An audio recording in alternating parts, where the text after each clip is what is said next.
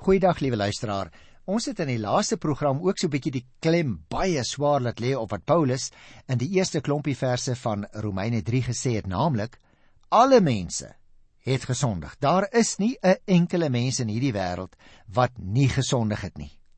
En nou net so swaar as wat die apostel die klem op daardie aspek laat val het tot hierso by vers 20.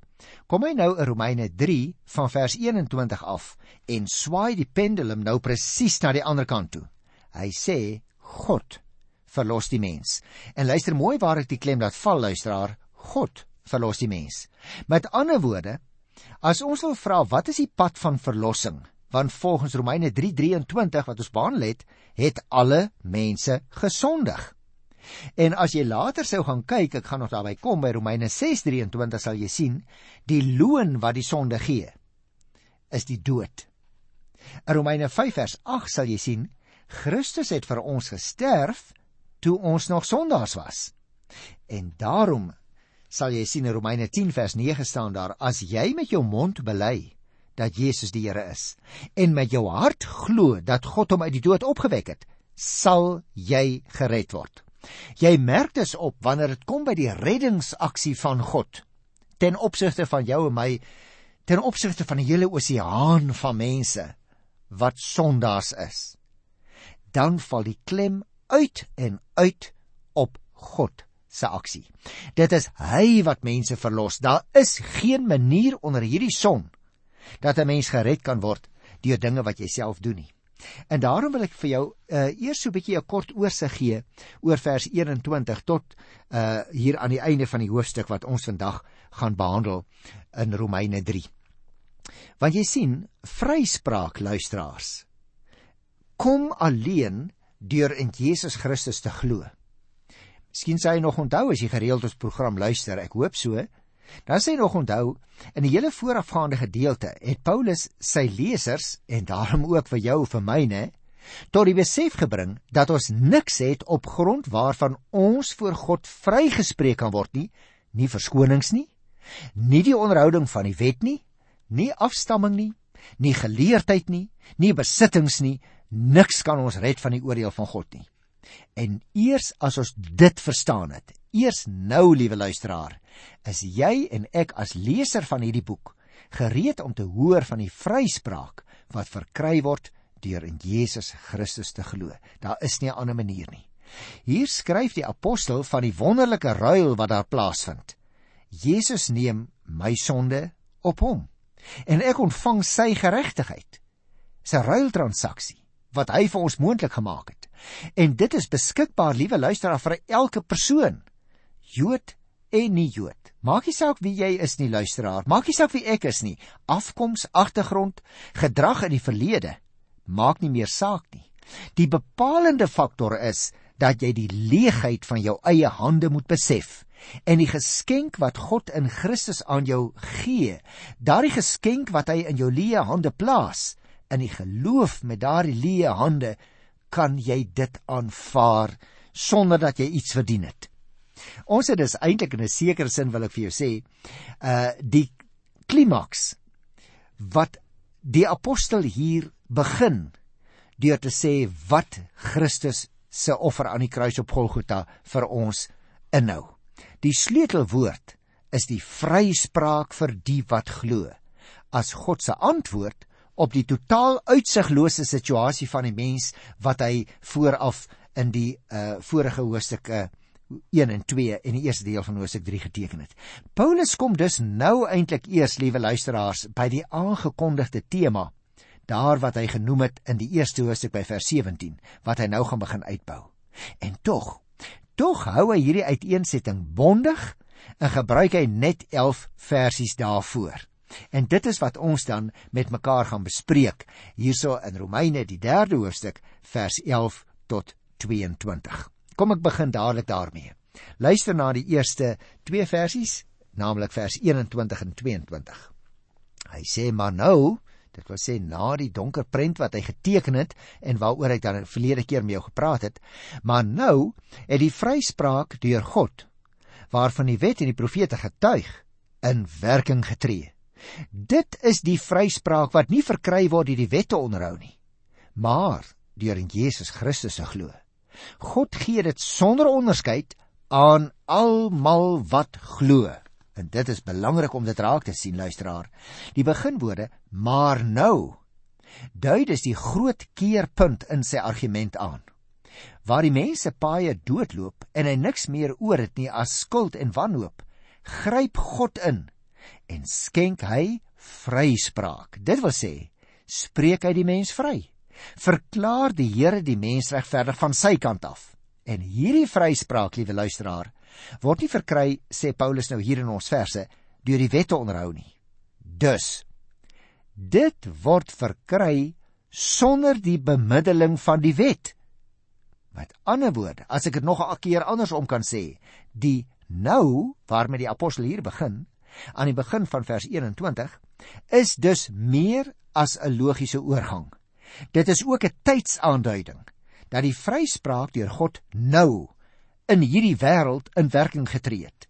Dit dui die nou van die nuwe tydsbedeling aan waarin die Christusgelowiges lewe. Christus se koms het dus 'n radikale keerpunt in die geskiedenis gebring wat die nuwe tydsbedeling, die eindtyd, ingelei het. En daarmee luisteraar, is die ou bedeling finaal afgesluit en die kragte van die nuwe bedeling ontketen wat nou reeds in die gemeente aan die werk is elke dag. Daarom het vers 22 juis gespesifiseer dat die vryspraak drievoudig is. As nommer 1, dit kom geheel van God af. Dit kan toegeëien word nommer 2 deur die wat in Christus glo en nommer 3 wat hy sonder on onderskeid aan almal wat glo gee. Daarom liewe luisteraar, mag ek in groot nederigheid vir jou die genade van die Here aanbied. As jy iemand is wat sê maar Romeine 3:23 sê almal het gesondig dan dan antwoord die Bybel jy's heeltemal reg. Maar nou leer ons hier dat God ook vir jou en vir my hoe ver ons geval het ook al. Hoe ver ons selfs uit die bus uitgeval het, sal die kinders sê, hier in die tyd waarin ons lewe. Die Here se genade word ook vir jou aangebied, maar jy moet dit in die geloof aanvaar. Anders help dit nie dat die Here dit aanbied nie. Kyk, is net so goed dat ek nou vir jou R100 noot in jou rigting sou hou hier so oor die radio. Maar jy vat dit nie. Nou wie se skuld is dit dan? En dit is Paulus se bedoeling. God bied sy genade aan verniet. Maar as jy dit nie aanvaar nie, dan kan jy mos nou nie vir God blameer as jy uiteindelik verlore sou gaan nie. Luister na vers 23 wat ek nou net aangehaal het. Ek gaan dit vir jou lees want dit voel altyd vir my as ek dit lees uit die Here se woord en dit soveel meer gewig en krag. Almal het gesondig en het nie deel aan die heerlikheid van God nie. Jy sien liewe luisteraar, ons dink baie kere so maklik dat party sondes ernstiger of groter is as ander omdat hulle ernstiger gevolge het. So lyk moord byvoorbeeld erger as om te skinder. Egbreek lyk weer so bietjie erger as welis. Maar nou moet jy onthou, voor die liewe Here is daar geen verskil tussen groot en klein sondes nie. Vir mense kan ons party sondes wegsteek, maar nie vir God nie, hoor. Elke sonde vervreem jou van die heilige God. Moet dus nie in terme van groot en klein sondes dink nie, asseblief tog nie. Sê vir jouself, Almal het gesondig, ook ek. En as dit nie was vir die manier waarop God vryspraak gee nie, sou ek geen deel aan sy heerlikheid kon hê nie. Met ander woorde, as gevolg van hulle sonde sê Paulus, het alle mense, hy sê almal, die heerlikheid waartoe God hulle geroep het, verloor en daarom is alle mense ver van God af. Luister na vers 24. Hulle word sonder dat hulle dit verdien op grond van sy genade vrygespreek vanweë die verlossing deur Jesus Christus. Liewe luisteraar, as jy byvoorbeeld in die hof onskuldig bevind word, word al die aanklagte teen jou mos teruggetrek, nie waar nie? Dan is dit so goed of jy nooit aangekla was nie. En dit is presies wat die Here vir ons doen, net 'n duisend keer beter as God ons sondes vergewe is alles uitgewis asof dit nooit was nie. En staan jy voor hom as iemand wat nog nooit enige sonde gedoen het nie?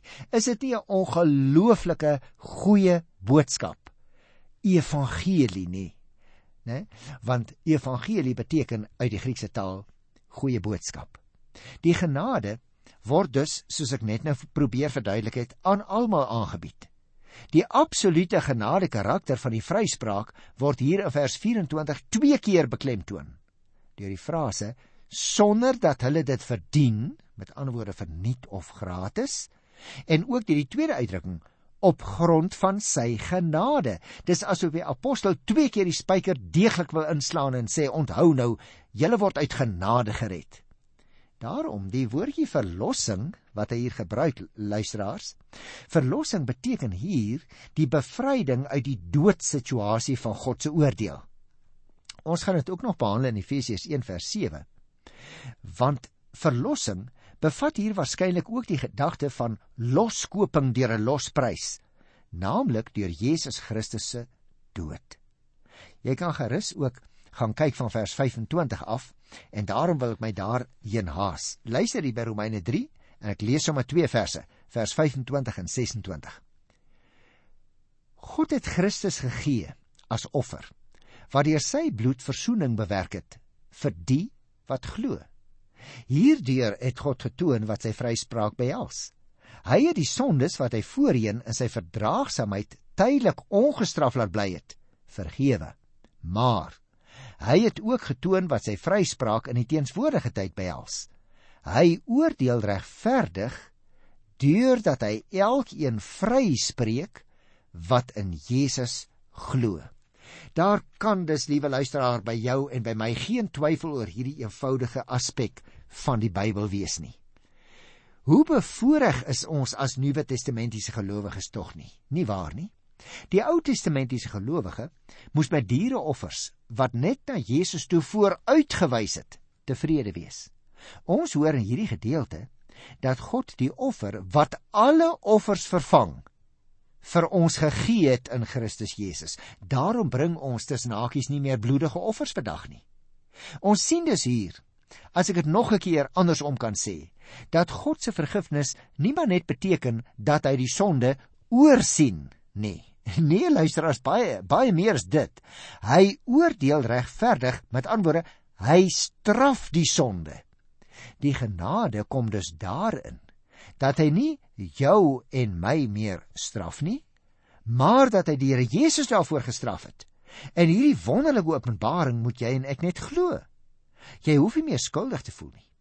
Jou skuld is van jou af weggevat as jy in Jesus Christus glo en in die plek daarvan het jy die verzoening gekry wat Jesus deur sy dood vir jou bewerk het. So tree die vryspraak van God in werking vir die wat glo. Dit is dus, liewe luisteraar, 'n straf wat plaasgevind het op Golgotha. Die son het nie net verdwyn nie, dit het nie verdamp in die lug opgegaan as stoom nie. Nee. Die Here Jesus het 'n rekening daarvoor betaal die vryspraak wat moontlik gemaak word deur die Here Jesus se dood word nou breedvoeriger in hierdie verse aan die orde gestel. Hierdie verse lei dit vir my besit in die oorspronklike Griekse taal 'n besonder plegtige manier. Die karakter, die wyse waarop die apostel daaroor skrywe, dui daarop dat Paulus hier waarskynlik van 'n reeks geuite formulerings in sy tyd gebruik gemaak het, wat byvoorbeeld in 'n ou nagmaal liturgie voorgekom het. Dalk onthou jy dit nog. Jesus het deur sy bloed verzoening bewerk. So het ons dikwels die nagmaal formulier vir mekaar gelees en dit is korrek so. In die sin dat Jesus Christus God se straf op die sonde in ons plek gedra het. Dat God voorheen die sonde tydelik ongestraf laat bly het, sê Paulus, sou die indruk kon wek dat hy nie regverdig is nie. Dit wil sê dat hy nie die reg handhaaf nie. Die kruis van die Here Jesus het egter getoon staan hier God oordeel regverdig want hy het die straf van die sonde op die Here Jesus laat neerkom. En so luisteraar is nie net God se regverdigheid of geregtigheid bewys nie, maar is in die teenswoordige tyd skryf die apostel ook sy ander geregtigheid moontlik gemaak, naamlik die geregtigheid wat elkeen vryspreek wat in Jesus Christus glo. Is dit nie wonderlik nie? Met ander woorde, in Christus is alle sonde gestraf. Geen enkele sonde het ongestraf gebly nie. Ook dit toon aan dat God regverdig is, verduidelik die apostel. Hy het die straf wat deur Jesus gedra is, aanvaar as die straf op alle sonde en daarom reken God nie meer vir die gelowige dit toe nie.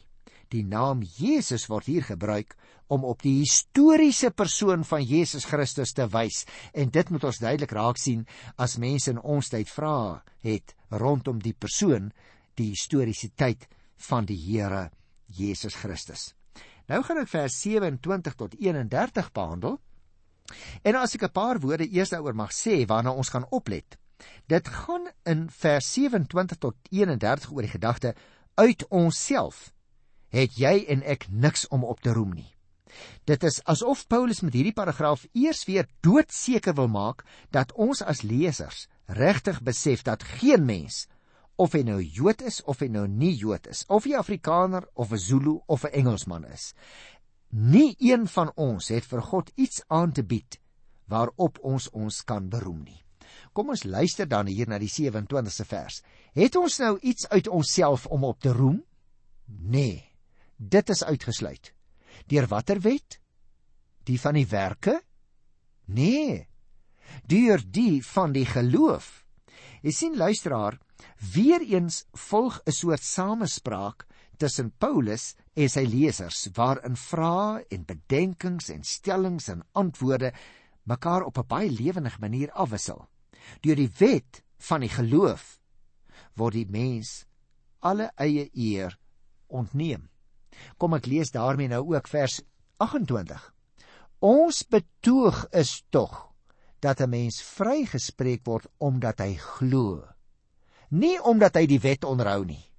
Nou dis verskriklik belangrik, liewe luisteraar. Die meeste godsdienste vereis dat die mens sekere dinge moet doen om hom vir God aanvaarbaar te maak. Die Bybel daarenteen stel dit duidelik dat ons nie die goeie dinge wat ons sou kon doen vir die Here aanvaarbaar word nie.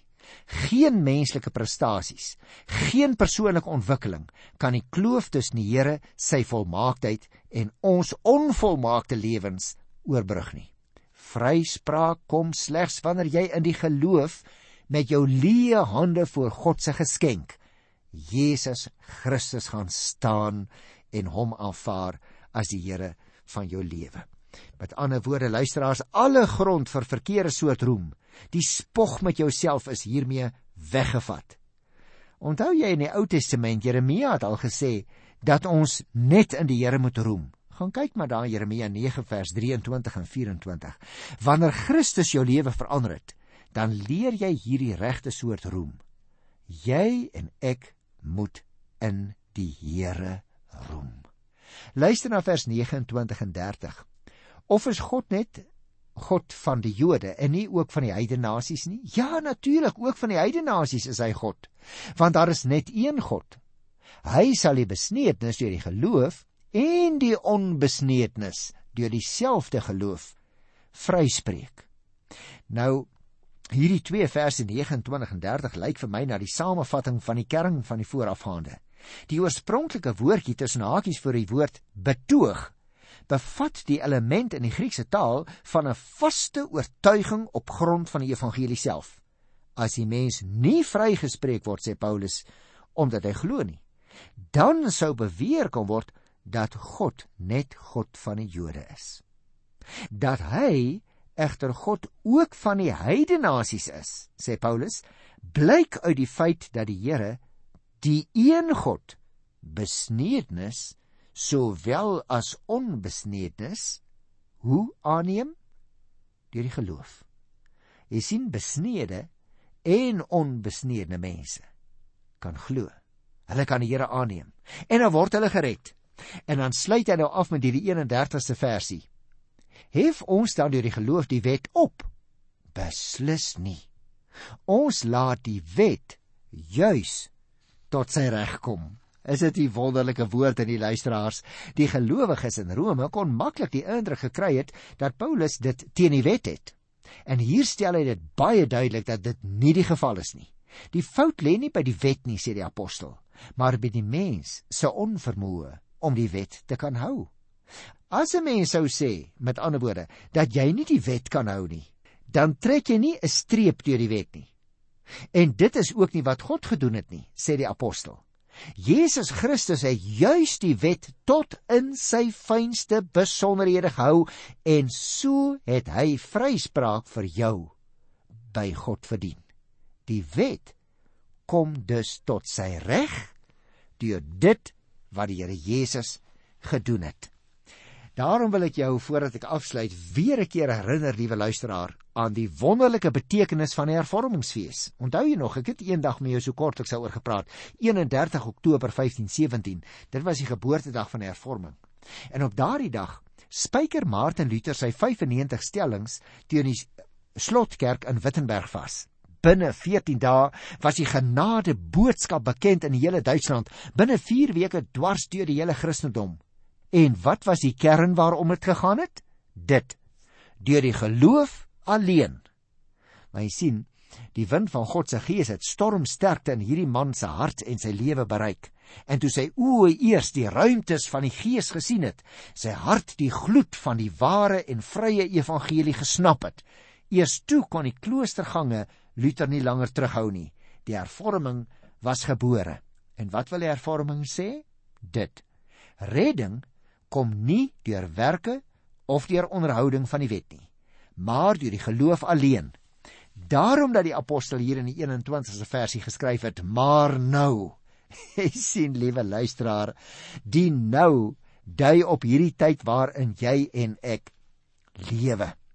En in die paar verse wat ek vandag behandel het, gebruik die apostel 5 keer die woordjie vryspraak. En as jy sou vra, Hoe word hierdie vryspraak nou my deel? Daar antwoord die apostel in ons gedeelte 4 keer deur te glo. Maar het jy opgelet, liewe luisteraar? Dis nie die geloof wat jou red nie. Nee, dis die offer van Jesus Christus wat jou red, vers 25 en 26. As Jesus se bloed nie gevloei het nie, was daar geen nou vir jou en vir my nie. Maar omdat sy bloed gevloei het, gaan mense in hierdie nuwe tyd na die hel as hulle nie in die bloed gewas is nie. En daarom luister baie mooi, liewe luisteraar. Mense kan baie dinge bereik in hierdie wêreld. Ons kan baie dinge met geld koop. Ons kan hoog op die leer van prestasie staan en met werke baie indruk maak by ander. Maar daar is een enkele uitsondering. Een grens waaroor niemand in hierdie nou meer kan kom nie. En dit is redding. Vryspraak. Dit is met geen geld in die wêreld te koop nie. Nie met werke te verdien nie. Jy kan dit nie as 'n ruiltransaksie bekom nie of met gawes daarvoor probeer betaal by die Here nie. Jy kan vryspraak net deur die geloof aanvaar. Gratis en verniet dit by die Here vat. En as jy daardie vryspraak bakhand vat, dan spreek God jou vry.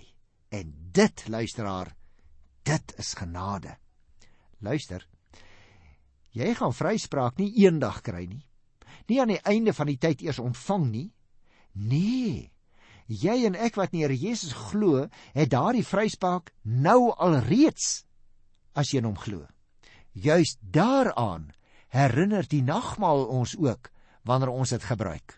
As ons kyk na die brood, as ons dit eet, as ons dit proe, as ons 'n bietjie wyn drink, dit ruik, dit proe. Net so seker as ons dit ruik en proe. Net so seker het ons die vryspraak as ons in die een glo na wie die brood en die wyn verwys. En as jy dit aanvaar, liewe luisteraar, as jy hierdie objektiewe feit neem, dit vir jouself toeëien so oor die radio ook sommer weer vandag, dan het jy 'n ontsettende ver verantwoordelikheid aanvaar om saam die boodskap van die hervorming uit te dra met woord en met lewe dit te laat blyk in die praktyk ek is vry liewe luisteraar Die hervorming het nie opgehou nie, dis nie klaar nie. Die hervorming moet tog elke dag in jou en in my lewe gebeur. Daarom mag ons nie net terugkyk na daardie blye dag in 1517 nie.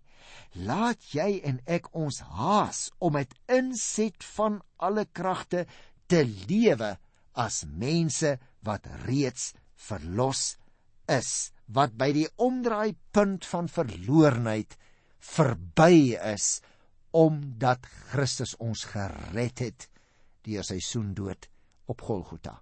En om daardie wonderlike noot groet ek jou in die wonderlike naam van die wonderlike Here Jesus Christus tot volgende keer. Tot dan. Totsiens.